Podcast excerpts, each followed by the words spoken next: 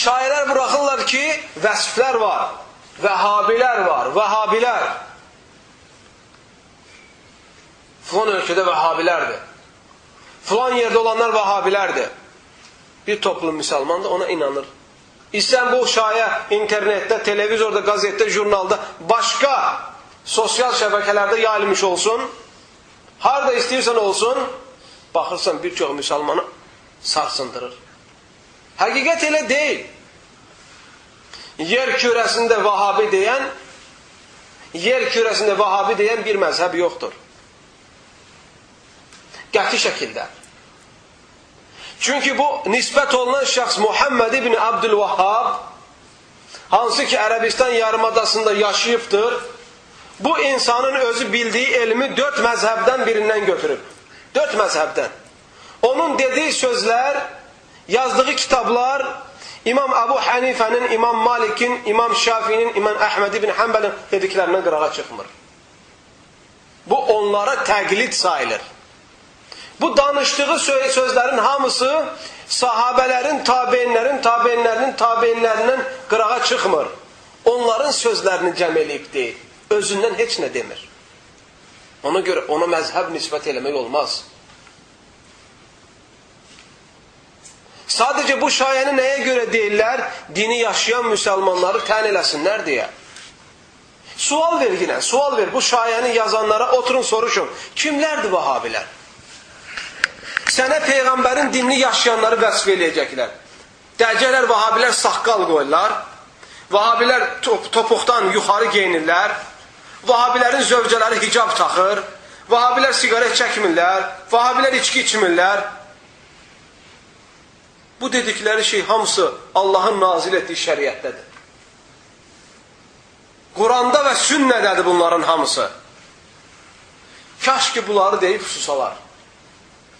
Bədbəxtçilik budadır ki, bu şayələrin arxasında olan qeyri-müsəlmanlardır, münafiqlərdir, dinsizlər, imansızlardır, müsəlmanların birliyini parçalamaq istəyənlərdir.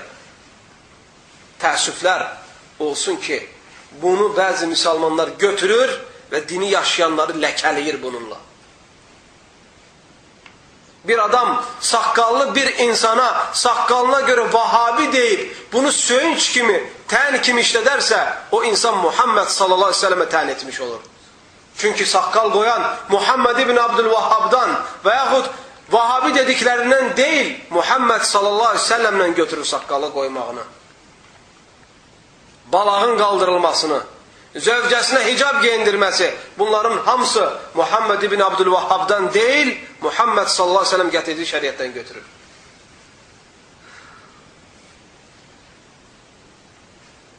Kaş ki bunlarla bunlar kifayətlənirlər, əlavələr də artırırlar. Bütün pis ləkələri də falçılar kimi, falçılara bir düzgün xəbər çatır, üstə də min yalan qoyub uydururlar bunlar iki sifəti deyirlərsə, yüzünü də üstünə qoyurlar. Vahabilər belədir. Vahabilər nə bilim, yüz cür yalanlar, böhtanlar. Bir neçə il öncə banik çıxmışdır ki, ki vahabilər özləri məhrəmləri ilə evlənirlər. Batil bir böhtandır bu. İftiradır bu. Vahabilər İnsanları haqsız yerə öldürürlər. Vahabilər insanların malını oğrayırlar. Vahabilər, vahabilər. Əziz qardaşlarım, bunların hamısının öz adı var. Oğrunun oğru adı var. Banditin bandit adı var.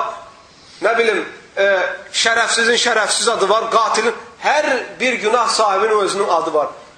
Piyaniska var, sigaret çəkən var, əxlaqsız var, şərəfsiz var. Bunların hamısını vahabi deyib insanları ləkələmək olmaz müsəlmanlara görürsən parçalayır bu fikirlər. Kim kimə nə deyir bilmir. Ortada dağılan, parçalanan müsəlmanların səhvləridir. Və bunu təəssüflər olsun ki, bugünkü gündə ən çox eşitdiyimiz şəxslər də elə müsəlmanlardır. Bu, bu, bu o biri firqəyə deyil, o biri firqə buna deyil. Amma həqiqətdə heç nə yoxdur ortada. Əziz qardaşlarım, şayənin zərərləri çoxdur. Müsəlman gərək göz açıq olsun, şuuru açıq olsun ki, şayələrə səbəb olmasın, ya da əsən şayələrin qabağında əsib, sınıb dönməsin.